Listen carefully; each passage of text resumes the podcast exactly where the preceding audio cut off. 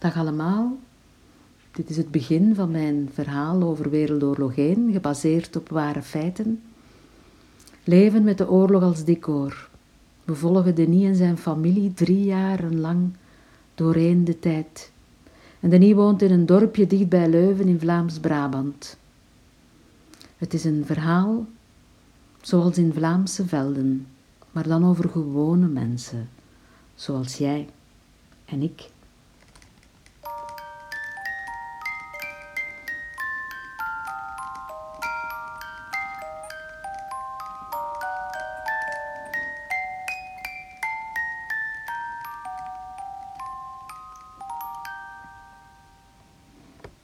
Was eens een jongen die niet meer geloofde in sprookjes. Hij geloofde niet meer in heksen, in duivels, in trollen. Hij geloofde niet meer in Sint-Niklaas en ook niet meer in de klokken van Rome.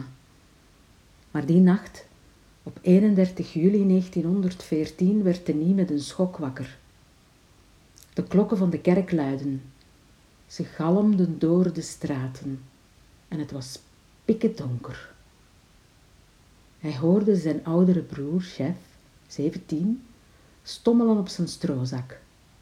En het was chef die hem alles uitlegde. Ergens ver weg in het oosten was er een prins neergeschoten samen met zijn vrouw. En daarna waren keizers en koningen beginnen te vechten.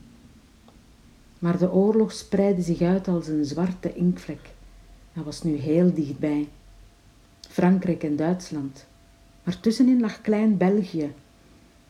En België was onzijdig, België was neutraal. Meer dan tachtig jaar was er geen oorlog meer geweest. En toen werd er buiten gebonst op de deur. En er klonk een luide stem. Het was de stem van de veldwachter, de champetter. En hij had een blauwe brief bij zich. En iedereen in die tijd wist wat dat een blauwe brief betekende.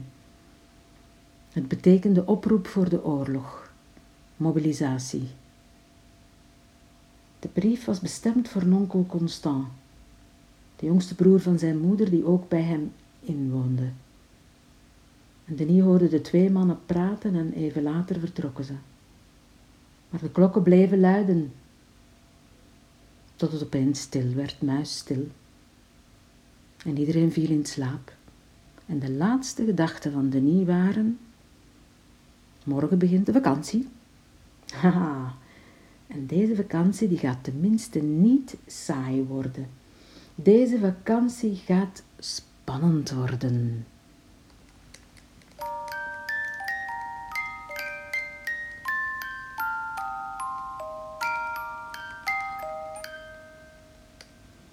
En de volgende dag staat hij niet op en hij is zoals altijd de laatste. Zijn broer Jeff is al lang aan het werk, is al lang opgestaan en vertrokken naar de fabriek. Zijn vader is buiten bezig met de beesten en Denis gaat voorzichtig de trap af en komt in de keuken, de belangrijkste plaats in huis. En hij ziet de lemen muren, het kruisbeeld met daarachter een lauriertakje, een tekening met een groot oog op en daaronder God ziet u, hier vloekt men niet. En op de schouw, daar staat de grootste schat van zijn moeder. Het is een takje met drie zijtakjes. Overal zijn er kleine, fijne, witte bloempjes, bloesems, met in elk bloempje een gouden geel kroontje. Er zijn tere knopjes grasgroen die nog niet zijn opengegaan. Fleur d'oranger, oranjebloesem, nu, het is niet echt, hè. Het is van was gemaakt, van bijenwas. Het is het bruidsboeket van zijn moeder en omdat het zo kostbaar is en breekbaar is, heeft ze er een stolp over gedaan en daarachter een rood kussen en daarachter een spiegel, zodat je het heel goed kan zien en niemand mag eraan komen. Hè? En af en toe dan kijkt ze naar, zijn, naar en dan zegt ze, de schoonste dag van mijn leven. Dat was een dag dat ik trouwde met uw va. En dan kijkt ze naar vader. En vader zit op een stoel met zijn eeuwige pijp in zijn handen. En hij knikt en hij lacht. En hij zegt niks. Mannen van die tijd, die spraken niet veel, die hadden niet veel woorden. Dan is er de lange tafel, de lange keukentafel, en daar zit moeder. En moeder is de groenten aan het snijden. En daarnaast zit de jongste van het gezin, de kakkenest, zes jaar. En dan is er Trace, zijn zus. En zij zit met haar rug naar hem. En hij ziet dat ze haar haar in een dotje heeft proberen te doen, zoals grote meisjes doen. Maar ze heeft een plukje haar vergeten. En hij sluipt heel voorzichtig naar haar toe, trekt dan dat plukje haar. Dat haar valt als een waterval naar beneden. Trees schiet recht, ze valt hem aan tot er de stem is van moeder. Stop daar eens mee. Denis, Trees, ga zitten. Denis, wat is dat met u? Zijt je zus weer aan het treiteren? Maar wat is er toch met jullie? Vroeger trokken jullie altijd samen op en waren jullie de beste vrienden, maar nu zijn jullie juist kat en hond. Dat is waar. Moeder heeft gelijk. Vroeger waren ze de beste vrienden. Maar het is Theresa's schuld. Sinds ze vijftien is, is ze ineens te groot geworden voor hem. Ze wil niet meer spelen. Ze trekt altijd op met haar vriendinnen. En ze wil alleen maar over jongens klappen. Over kussen, bij. En over vrijen, bij. En trouwen. Hm. Nochtans is hij een kop groter dan haar. Denis gaat aan tafel zitten en hij begint te eten. Hij valt aan, hè? bruine boerenboterhammen. En dan vliegt de deur open en zijn onkel Constant komt binnen. Zo fier als een gieter. Hij heeft een nieuw soldatenkostuum met glimmende knopen. En hij draagt leren laarzen. En hij heeft een echt geweer vast met een, met een vlijmscherpe bajonet en wel 120 kogels. Hij komt even dag zeggen. En de burgemeester gaat zelfs een speech doen op het kerkplein. En de kinderen horen buiten de fanfaren en ze zeggen: Mogen we mee, mogen we mee, moeder? En moeder zegt ja, maar niet te lang, hè. En onkel Constant voorzichtig zijn, hè.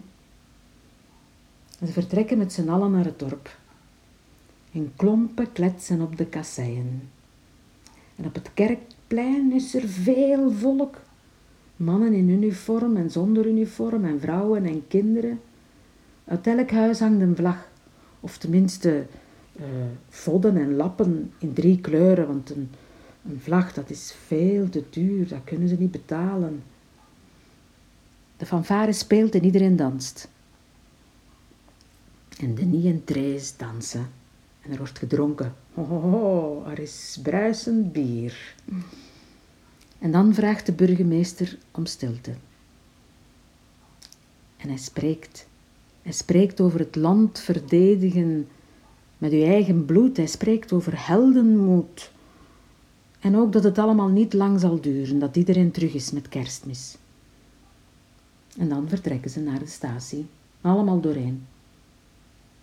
En er zijn vrouwen veel vrouwen, echtgenoten, liefjes, zussen, dochters, moeders. En de vrouwen kijken bezorgd, ze zijn er niet gerust in. De mannen zijn vol bravoure. Weg met die mof, een schop onder zijn kont en zo begint het.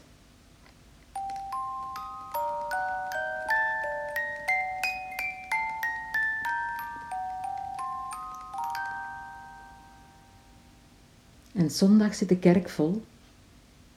Nog nooit heeft de kerk zo vol gezeten. Er staat zelfs mensen, er staan zelfs mensen recht. En iedereen bidt met gevouwen handen en met gesloten ogen dat het geen oorlog wordt. En als de mis uit is, dan houdt de priester, de pastoor, iedereen tegen. Want zie je, normaal is het zondag verplichte rustdag. Niemand mag werken. Maar omdat de oogst klaar ligt op de velden en omdat er oorlogsdreiging is, mogen ze vandaag beginnen te werken. En de boeren gaan naar huis, ze gaan hun kapmessen en hun zijse wetten. En op 4 augustus staat iedereen op het land te werken als ineens chef komt aangelopen, de oudste, die eigenlijk moet werken in het fabriek. Hij roept iets en eerst verstaan ze het niet, maar dan horen ze heel helder Het is oorlog. Het is oorlog. De Duitsers zijn binnengevallen. moeder wordt bleek om haar neus. Wat hebben we hen misdaan? En Jeffrey legt het hijgend uit. Twee dagen geleden hebben de Duitsers ons een bericht gegeven. Ze willen door ons land, want de kortste weg van Berlijn naar Parijs is dwars door België. Maar dat kan niet. België is onzijdig, België is neutraal. En heel de regering, met koning Albert voorop, heeft nee gezegd. Maar die ochtend, die ochtend zijn ze binnengevallen en er wordt gevochten aan de Duitse grens. Hm. Het is oorlog. Maar de volgende dagen gebeurt er niets bijzonders. Iedereen werkt. De lucht is perfect blauw. Het graan ligt als goud op de velden. En tussen dat goud zijn er vlekjes rood, bloedrood van de klaprozen en vlekjes blauw van de korenbloemen. En de mussen die maken ruzie in de hagen en de leeuweriken die zingen tot in de hemel en de boeren zwoegen op het land. Vader kromt zijn schouders en de zij soeft van links naar rechts. Moeder spant haar spieren en ze bindt het graan in schoven en Denis en Trace proberen te volgen en dan keren ze het graan en dan zetten ze het rechtop in, in schoven, in huisjes. Ze werken en verder gebeurt er niets. Is dat nu oorlog, denkt Denis? Oorlog, dat is wachten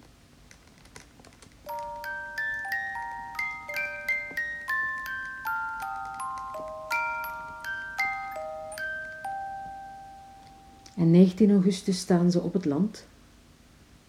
En ineens klinkt er gerommel, donder, gaat het onweren. Maar als ze omhoog kijken is de lucht perfect blauw.